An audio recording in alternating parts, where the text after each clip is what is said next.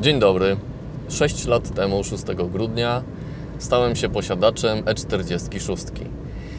O tych 6 latach Wam opowiem e, z punktu widzenia użytkownika codziennego, który przejechał tym samochodem w ciągu 6 lat ponad 60 tysięcy kilometrów, który wykonywał przy tym samochodzie większość napraw samodzielnie, więc jeżeli ktoś z Was rozważa zakup E46, to z tego odcinka myślę, że może się sporo dowiedzieć.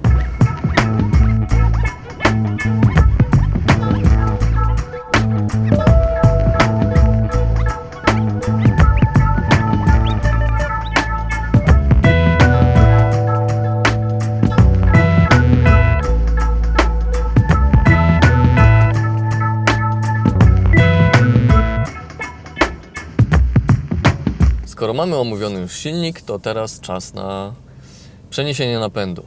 W moim przypadku w układzie przeniesienia napędu jest automatyczna skrzynia GM.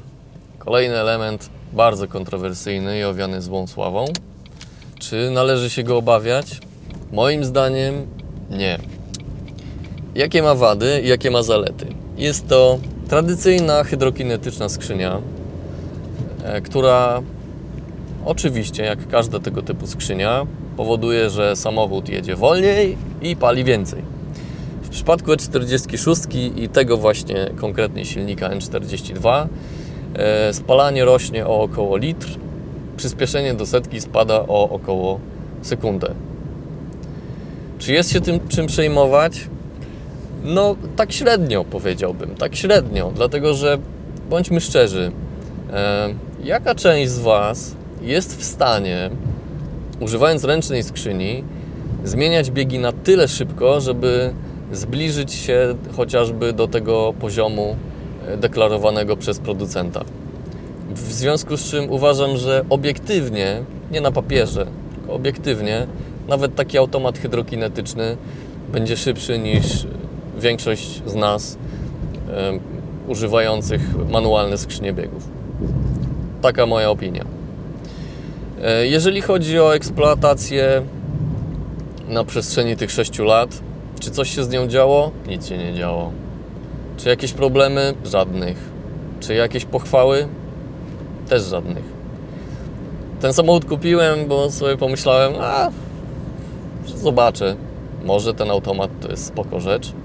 Po 6 latach uważam, że nadal nie jest spoko. Ja wolę skrzynie manualne. Ja wiem, że sam sobie teraz trochę przeczę, bo mówię, że automat i tak i tak ma lepsze osiągi i tak dalej, i tak dalej. I nawet nie chodzi o osiągi, mi chodzi o subiektywne odczucia z y, korzystania z takiej skrzyni, o jednak opóźnienia y, pomiędzy zmianami biegów. To znaczy, źle mówię, nie chodzi o same zmiany biegów, chodzi o opóźnienia przy redukcji. E, kiedy chcecie wyprzedzić na przykład w manualu wiecie, że zaraz będziecie to robić. Wrzucacie sobie czwóreczkę na przykład. No i kiedy przychodzi odpowiedni czas, wyprzedzacie. W przypadku automatu kickdown zrobicie dopiero wtedy, kiedy będzie wolne miejsce. I niestety to chwilę potrwa. I ja wiem, że ręcznie, gdybym zrzucał w tej samej sytuacji bieg, to bym to zrobił wolniej niż ten automat. Ja wiem o tym, tylko że każdy, kto jeździł takim hydrokinetykiem, wie, jakie to jest uczucie, kiedy już wciskam ten gaz w podłogę i czuję, że tam klikam w ten przycisk, który ma wywołać maksymalny kickdown i zrzucić bieg na najniższy możliwy. I kiedy mimo to musicie tą, te pół sekundy, sekundę poczekać. No nie jest to super przyjemna sprawa, bo wy już byście chcieli jechać do przodu. E, I to jest coś, co mi absolutnie nie gra w takiej skrzyni automatycznej i nie jestem w stanie się do tego przyzwyczaić. E, koniec, kropka. Teraz być może ktoś powie, no ale przecież ty chyba się nie zorientowałeś, że tam jest tryb sportowy i steptronic. Zorientowałem się. Tryb sportowy powoduje, że rzeczywiście trochę lepiej to wszystko wygląda, ale głównie w przypadku tej skrzyni objawia się on po prostu zmienianiem biegów przy wyższych obrotach. A tryb manualny, no spoko, tylko że on też ma dokładnie to samo opóźnienie przy zmianie biegów. Jedyny plus tego trybu manualnego z mojej perspektywy to możliwość hamowania silnikiem w górach. Sam automat w każdej możliwej sytuacji zrzuca na piątkę, więc hamowania silnikiem w zasadzie nie ma. Więc w górach, jeżeli chcemy hamować silnikiem, trzeba się posiłkować trybem manualnym i on działa naprawdę spoko. Następne elementy układu przeniesienia napędu to oczywiście wał napędowy i dyferencjał i wszystko, co się z nim wiąże. Zacznę od wału, który wymieniałem w tym roku wiosną. Nie dlatego, że on sam w sobie się zepsuł, tylko oczywiście pojawiły się luzy na krzyżakach. Krzyżaki również są niewymienne. Naprawa takiego wału polega na regeneracji plus wyważeniu. Można to zrobić bez żadnego problemu. Kosztuje to 1000-1500 zł. Natomiast ja tutaj przycebuliłem, bo udało mi się znaleźć w zasadzie mm, fabrycznie nowy wał, który pochodził e, z E46 po wypadku, która miała ten wał wymieniony kilka miesięcy przed wypadkiem. Na nowy, fabryczny z serwisu. E, kupiłem taki wał za 100 zł, wymieniłem, mam spokój.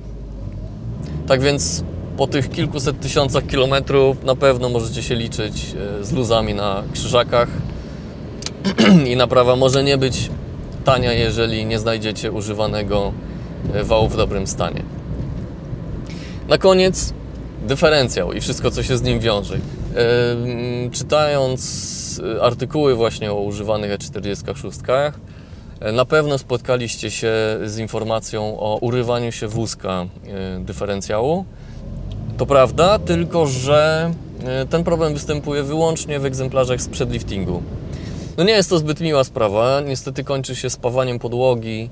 E, są jakieś zestawy nawet, które y, można kupić od niezależnych producentów, y, które wzmacniają podłogę w tych punktach mocowania. Dobra wiadomość jest taka, że po liftingu tego problemu już nie ma, więc ja z nim się nie borykałem, ale po dwóch latach, jeżeli dobrze pamiętam, yy, użytkowania samochodu wymieniałem wszystkie tuleje gumowo-metalowe yy, właśnie w mocowaniu dyfra do podłogi. W zasadzie w mocowaniu dyfra do wózka też. Cały komplet tych gum. Naprawa kosztowała, no tego sobie sam nie zrobiłem.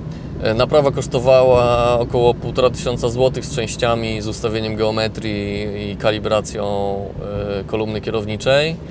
No niestety, jest tutaj drogo, części nie są jakieś super e, kosztowne, natomiast jest tutaj dużo pracy, dlatego że trzeba zdemontować wydech, trzeba zdemontować wał i całą jakby ramę pomocniczą tylnego zawieszenia. Właściwie całe zawieszenie odkręca się od podłogi i ono sobie zjeżdża, cały wózek.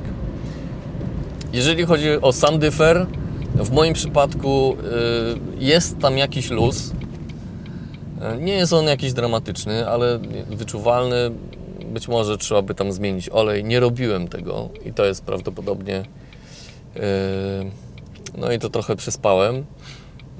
Natomiast no, nie ma dramatu. Nie wyje, nic się jakiegoś bardzo złego z nim nie dzieje.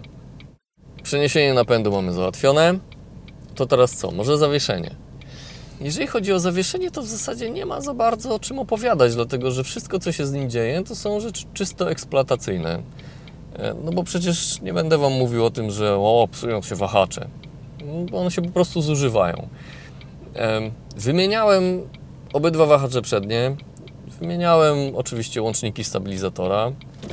Z tym, że robiłem to w pierwszym roku po zakupie i wymiana będzie konieczna w przyszłym roku.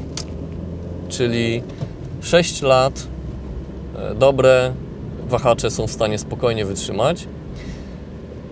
I tę naprawę zrobicie całkowicie bez problemu pod domem. E, dlatego, że wahacz to są po prostu dwie śruby na stronę plus wypięcie e, poduszki, tak zwanej dziewiątki E, która trzyma wahacz wzdłużnie, jakby ustala jego pozycję na długości. I w ogóle, jeżeli miałbym wskazać jakiś taki element, który jest charakterystyczny i może wyjątkowo często ulegający awariom w zawieszeniu we 46, to, to jest właśnie ta tuleja, tak zwana dziewiątka. Przy czym jest to tuleja, którą również wymienicie sobie w domu. Polega na odkręceniu dwóch śrub i zsunięciu samej tulei z wahacza. Tuleja kosztuje za sztukę kilkadziesiąt złotych. Prosta sprawa. E, łączniki stabilizatora wymieniałem przy okazji wymiany e, właśnie wahaczy. Wymieniałem też wtedy amortyzatory, ale to znowu część eksploatacyjna. W każdym razie zamontowałem e, lemfordery, jeżeli chodzi o łączniki i do teraz po tych 6 latach nie ma tam żadnych luzów. Wymieniałem też po 3 latach łączniki tylne. One są trochę bardziej upierdliwe, tam jest trochę ciasno, E, i trzeba sobie trochę rękę powyginać.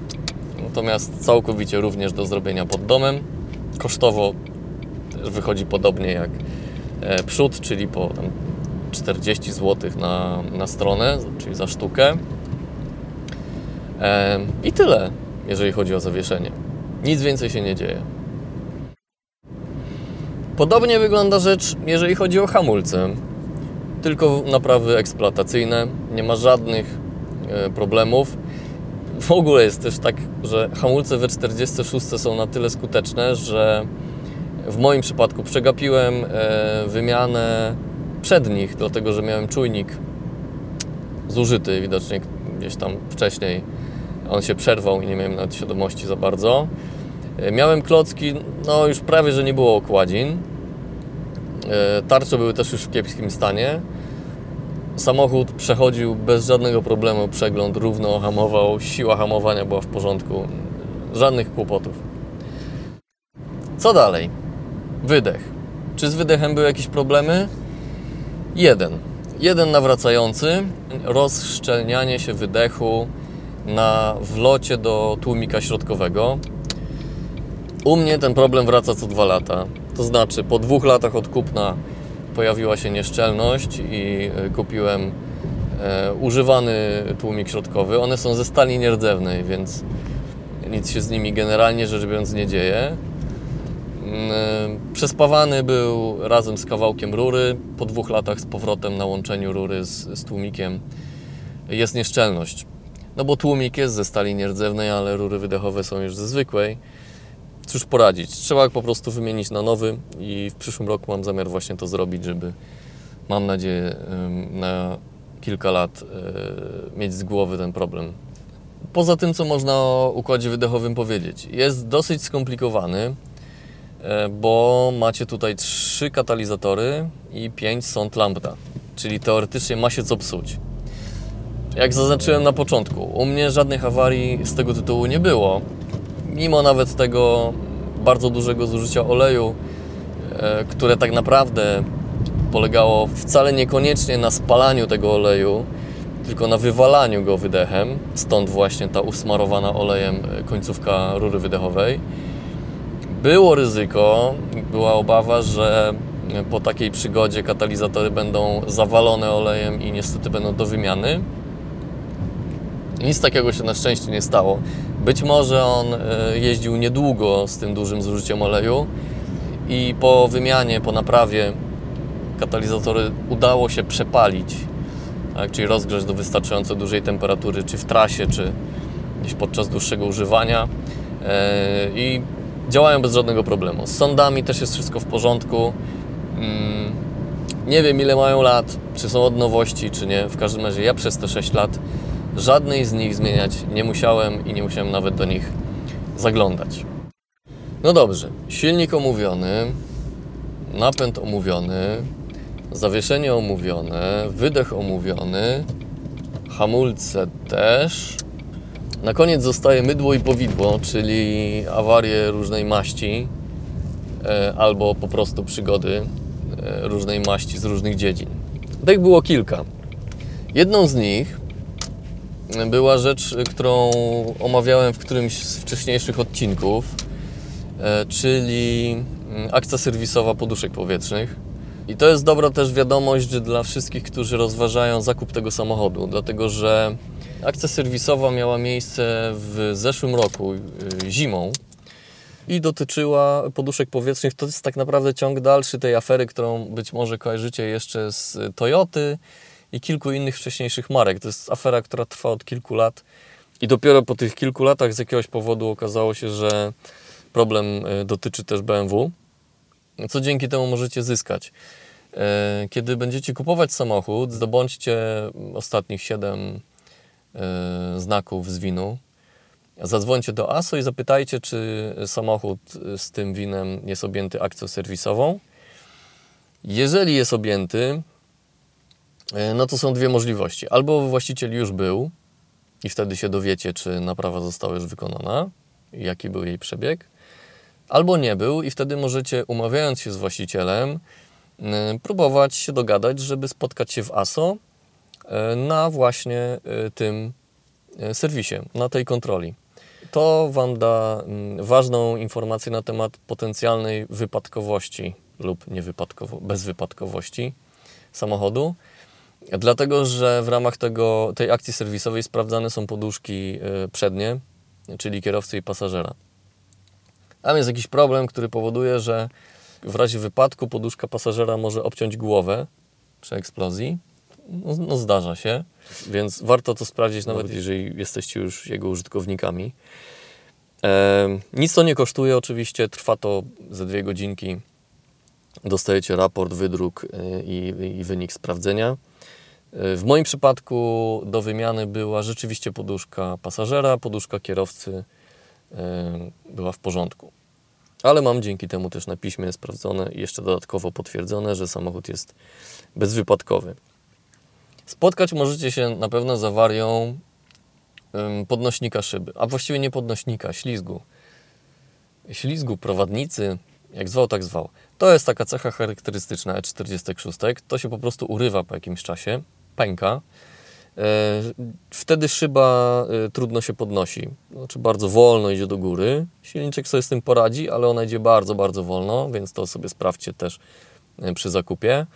Wymiana jest prosta, można kupić same te ślizgi mm, za kilkadziesiąt złotych. Nie oryginalne, bo tu niestety BMW nie przewidziało wymiany i cały układ cały zestaw czy cały mechanizm podnoszenia szyby jest jako jeden duży element.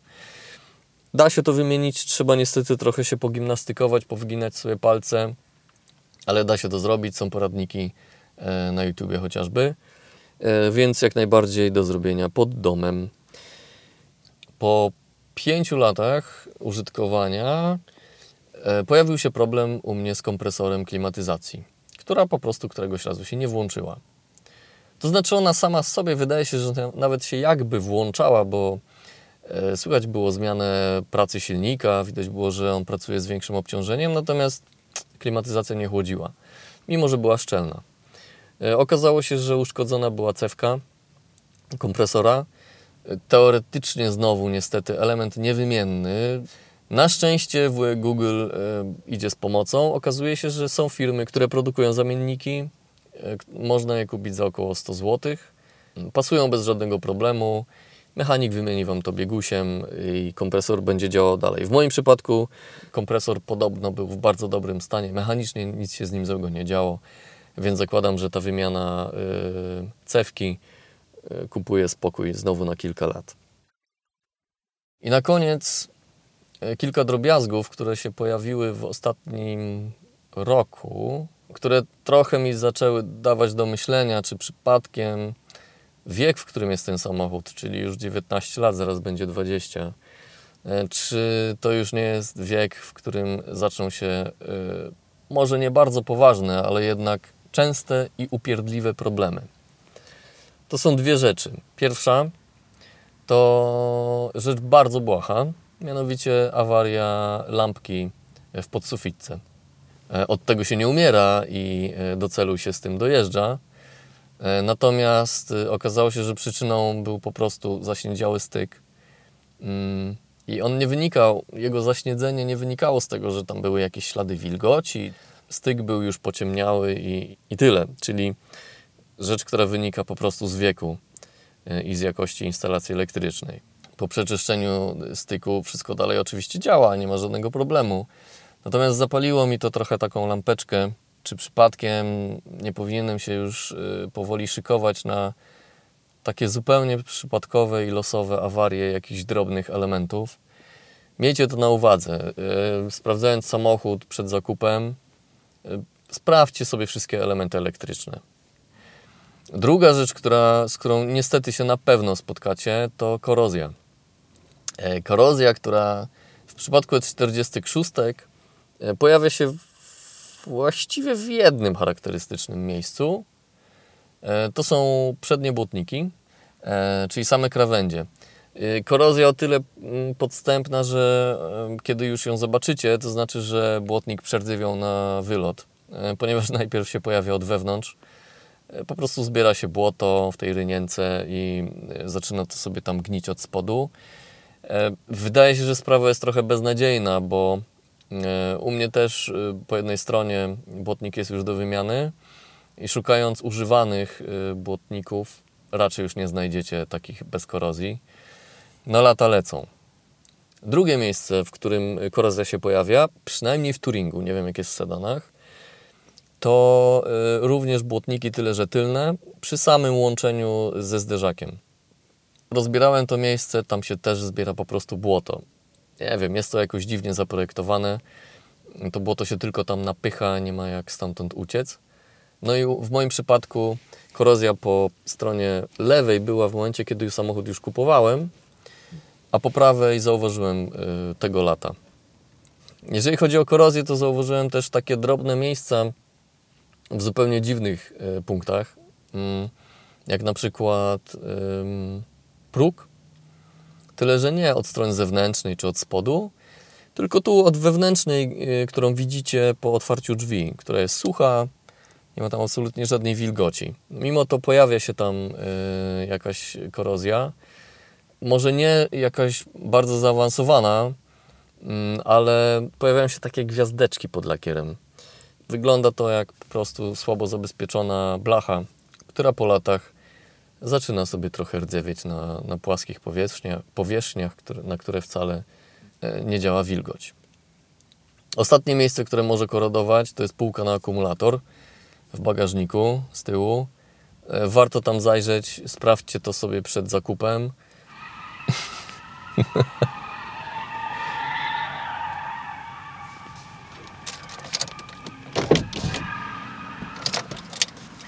Jestem na parkingu późnym wieczorem pod marketem i właśnie przyjechała tu jakaś piątka E39, która zaczyna kręcić bączki. No, już pojechała. Podsumowując, jak wygląda 6 lat życia z E46? Moim zdaniem bardzo dobrze. Czy jest to samochód, którego trzeba się bać? Moim zdaniem nie. Jeżeli interesujecie się tym konkretnym silnikiem, o którym mówiłem, to wystarczy sprawdzić, e, czy ma problemy z olejem e, i wystarczy sprawdzić, czy jest wszystko w porządku ze skrzynią. Jeżeli te elementy będą w porządku, to z mojego sześcioletniego doświadczenia z tym samochodem wynika, że jedyne niemiłe zaskoczenia, na jakie powinniście się szykować, to po prostu wymiany eksploatacyjne. Awaryjność moim zdaniem stoi na bardzo niskim poziomie. Wytrzymałość i odporność na znoszenie warunków polskich dróg moim zdaniem jest bardzo e, dobra. To nie jest zdecydowanie Alfa Romeo, w której będziecie musieli wymieniać pół zawieszenia co E, sezon. E, więc pod tym względem jak najbardziej. Jeżeli marzy Wam się BMW, po prostu, bo zawsze chcieliście, tak jak ja, zawsze chciałem mieć trójkę. I jeżeli się boicie, że ona Was zje finansowo, to moim zdaniem nie ma, e, nie ma wielkich obaw. Ok, oczywiście, serwis typu wymiana rozrządu będzie więcej kosztował niż w przypadku wiem, jakiejś wektry, E, ale to są rzeczy, które się robi raz na jakiś czas. Bieżąca eksploatacja jest całkowicie, moim zdaniem, e, na, na dobrym poziomie, jeżeli chodzi o e, koszty. Na dobrym, czyli niskim. Jeżeli dodatkowo jesteście w stanie, tak jak ja, wykonywać sobie pewne prace samodzielnie, to moim zdaniem można utrzymać ten samochód bardzo sensownym kosztem. E, przy okazji mieć z tego trochę przyjemności, jeżeli lubicie grzebać przy samochodzie, dlatego że to jest samochód, przy którym jeszcze można grzebać. Również uważam, że nadal ten samochód może być dobrym wyborem, nawet jako samochód rodzinny, dlatego że mimo tych 20 lat na karku, e, E46 to samochód solidnie skonstruowany, który daje Wam też bezpieczeństwo w razie wypadku. E, to samochód, w którym nie ma żadnego problemu, żebyście mieli 10 poduszek powietrznych. E, to samochód, w którym macie ESP, więc w stosunku do nowszych samochodów brakuje mu co najwyżej jakichś asystentów, pasa i tak dalej, i tak które powiedzmy sobie szczerze, niezbyt bardzo wpływają na e, bezpieczeństwo jazdy. Ceny części są niskie, Dostępność ich jest całkowicie bezproblemowa nadal. E, dostępność części używanych też jest doskonała i e, możecie sobie przebierać w akcesoriach do tego samochodu, więc możecie się nim trochę bawić, bo wersji wyposażenia, wersji wykończenia jest bez liku. Czy ten samochód przetrwa kolejnych 6 lat? On będzie w stanie e, te 6 lat jeszcze jeździć, jeżeli zapewnicie mu taki średni poziom kultury technicznej, co najmniej, nie niższy. Jeżeli zaczniecie go drutować, to niestety awarie będą coraz poważniejsze i coraz bardziej groźne. Natomiast jeżeli będziecie nadal wymieniać olej co 10 tysięcy kilometrów, reagować na y, naprawy y, używając części ze średniej półki, to moim zdaniem ten samochód będzie jeździł i jeździł i ryzyko, jakie y, największe moim zdaniem może go spotkać, to niestety korozja. Obawiam się, że to będzie największy problem i to będzie te samochody dobijało. Bo części na rynku będą jeszcze dostępne bardzo długo, ceny ich nie będą rosły. Tych samochodów jest mnóstwo, więc popyt, przynajmniej w naszym kraju, na pewno na części będzie jeszcze e, przez lata. E, w związku z czym ich dostępność w hurtowniach na pewno nie będzie spadała. Więc jeżeli marzy Ci się BMW, masz ograniczony budżet i się boisz, że zjecie finansowo, to uważam, że nie masz się czego bać. Trójka E46 to jest najbardziej przystępny w obecnych latach model BMW, zarówno pod względem y, kosztów utrzymania, jak i trudności utrzymania, czyli trudności napraw, dostępności serwisu itd. Tak itd. Tak